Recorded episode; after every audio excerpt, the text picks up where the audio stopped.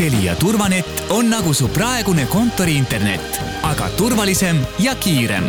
proovi turvanetti kolm kuud soodushinnaga. Telia.ee kaldkriips turvanett. kuku raadios välja öeldud seisukohad ei pea ühtima Kuku raadio seisukohtadega. Te kuulate Kuku raadiot. teadus teab. teadus teab parasjagu on käimas hoogne vaktsineerimine, et kaitsta end koroonaviiruse eest. siiski on hulk inimesi, kes vaktsineerida ennast ei soovi. Tallinna Tervishoiu Kõrgkooli õppejõud Kadi Lubi uuris koos kolleegidega, kuidas luuakse vaktsineerimise kohta tähendusi ning miks ja kuidas mõjutavad need vaktsineerimisotsuse kujunemist hooajalise ja pandeemilise viirusnakkushaiguse puhul. siinkohal on oluline ära mainida, et kõne kõnealune uuring tehti eelmise aasta kevadel ja uuringu fookuses oli peamiselt gripi vastu vaktsineerimine. seejuures ei saanud teadlased Covid-19 mõju tähelepanuta jätta, kuna uuringu läbiviimise ajal oli alanud ka koroonapandeemia. uuringu tulemustest räägibki Kadi Lubi lähemalt kui kõige üldisemalt öelda, siis ja, ja see, mis selle uuringu tulemuse järeldus ka oli, oligi see, et, et juba kultuuriliselt, see tähendab, me ühiskonnas arvame, et noh, gripp on selline haigus, mis on alati olemas olnud, igal hooajal keegi põeb, kõik me oleme lapsena seda põdenud, see ongi selline haigus, noh, ega seal suurt midagi teha ei ole, kui lihtsalt läbi põdeda. ja vähemalt aasta tagasi äh, oli ka koroona suhtes, et äh, just see seisukoht inimestel siis, et noh, mis seal siis ikka teha on et põemegi läbi ja, ja need sellised hooajalised nakkushaigused ongi sellised, et ega meil midagi teha ei ole. ma võib-olla tooksin kohe võrdluseks siia veel ühe nakkushaiguse, mida me küll ei ole nüüd uurinud, aga mida inimesed ilmselt kohe tunneksid ära, et, et kui väikelastel äh, tekib äh, lasteaedade rühmade ja kooliklasside kaupa kõhuviirus näiteks ja see jõuab ka koju ja me ei tee sellest nagu suurt numbrit ja, ja miks ma sellest räägin, on või, või miks, miks see on nagu oluline, et kuigi ma ütlen ära, et nad ei ole nagu võrreldavad otseselt, aitab see võib-olla meil aru saada, miks inimesed võib-olla ka eelmisel aastal koheselt ei tajunud ära selle haiguse, selle koroona äh, sellist äh, keerukust või, või noh, et, et see tunduski, et noh, on üks nakkushaigus, sümptomid on sellised, millega me oleme nagunii iga-aastaselt harjunud. noh, põeme läbi, et mõni põebki raskelt aga siis tulid ju koheselt ka need argumendid, aga et gripi põevad ka ja surevad ka ja, ja tekivad tüsistused, et seda me teame kõik ka juba lapsepõlvest saadik, et tüsistused tekivad, kellel südamesse, kellel kopsu ja kuhu iganes, et, et noh, see on ka võib-olla see põhjus, miks, miks tekkis selline, kui ma lihtsalt seda paralleeli toon, võib-olla just eelmisel aastal, et miks ei tajutud selle haiguse sellist keerukamat olemust või, või seda probleemsemat olemust? Et see tundus olevat kuidagi selline hästi tavaline, tavaline haigus esmapilgul, et noh, et meil on siin gripp olnud ja ja nüüd,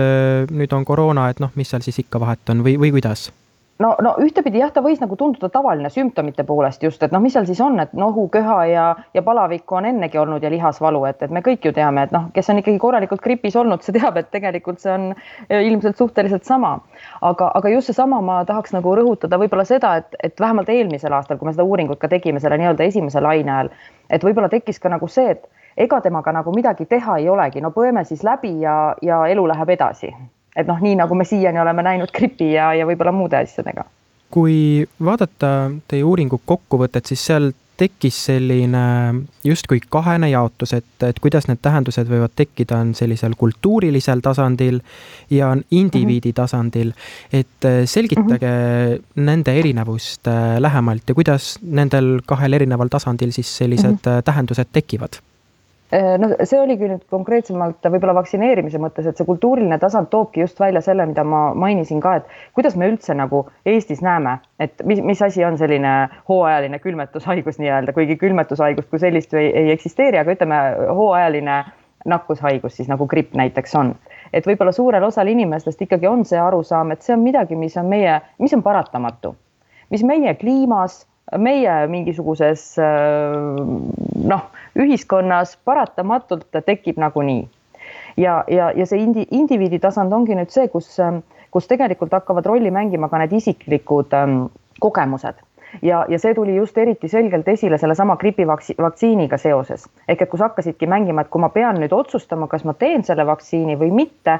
siis hakkasid mängima rolli sellised tegurid, et näiteks ma mõni aasta tagasi tegin ja siis ma sain väga rasked kõrvaltoimed, ma olin palju haigem, kui ma kunagi üldse olen olnud. ehk et need isiklikud kogemused, mis siis selle tagajärjel sai, hakkas mõjutama seda, mida ma tulevikus otsustan või näiteks isegi kui see ei olnud enda kogemus, siis oligi see, et vot ma kuulsin, et naabri Maril oli seal ka selline juhtum ja tegelikult oli kõik väga halvasti. et, et need tõesti need väga isiklike ja, ja lähi lähisuhtevõrgustiku kogemused hakkavad määrama seda, kuidas ma enda elu jaoks selle järgmise otsuse teen. et see on see vahe, et üks on selline laiem arusaam, kuidas nagu noh, tundub, et kõik arvavad nii ja me kõik arvame nii ja, ja teine on siis nii-öelda selline äh, isiklike kogemuste ja, ja isikliku teadmiste pagasi pinna pealt tekkinud mingisugune arusaam.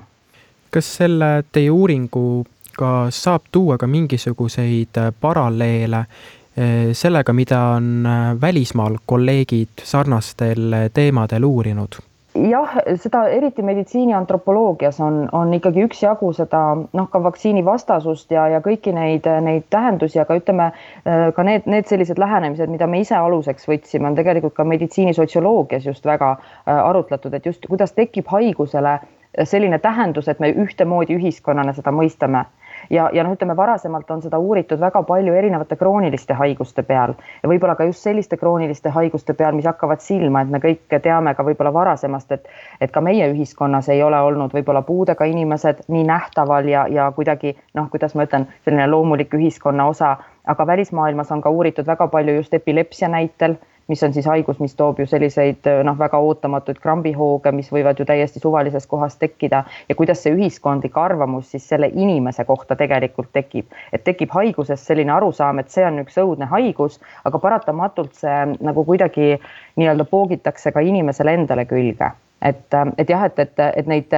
selles mõttes meie selline artikkel ongi nagu esmane sissevaade, mida me väga ei leidnud ka kirjandusest, et oleks uuritud just selliste nakkushaiguste kohta, et kindlasti nüüd on seda rohkem selle koroona tõttu ka tekkinud ja, ja noh, ma tõesti juhin tähelepanu, et meie tegime oma uuringu juba eelmise aasta kevadel, viisime need intervjuud läbi, kui see oli alles see nii-öelda esimene laine ja ei olnud ju veel teada, mis nüüd siin aasta jooksul on juhtunud. ja samas noh, mida ma tahaksin tegelikult rõhutada, on see, et meil tõesti oli ta selline Äh, suhteliselt väikese osalejate arvuga.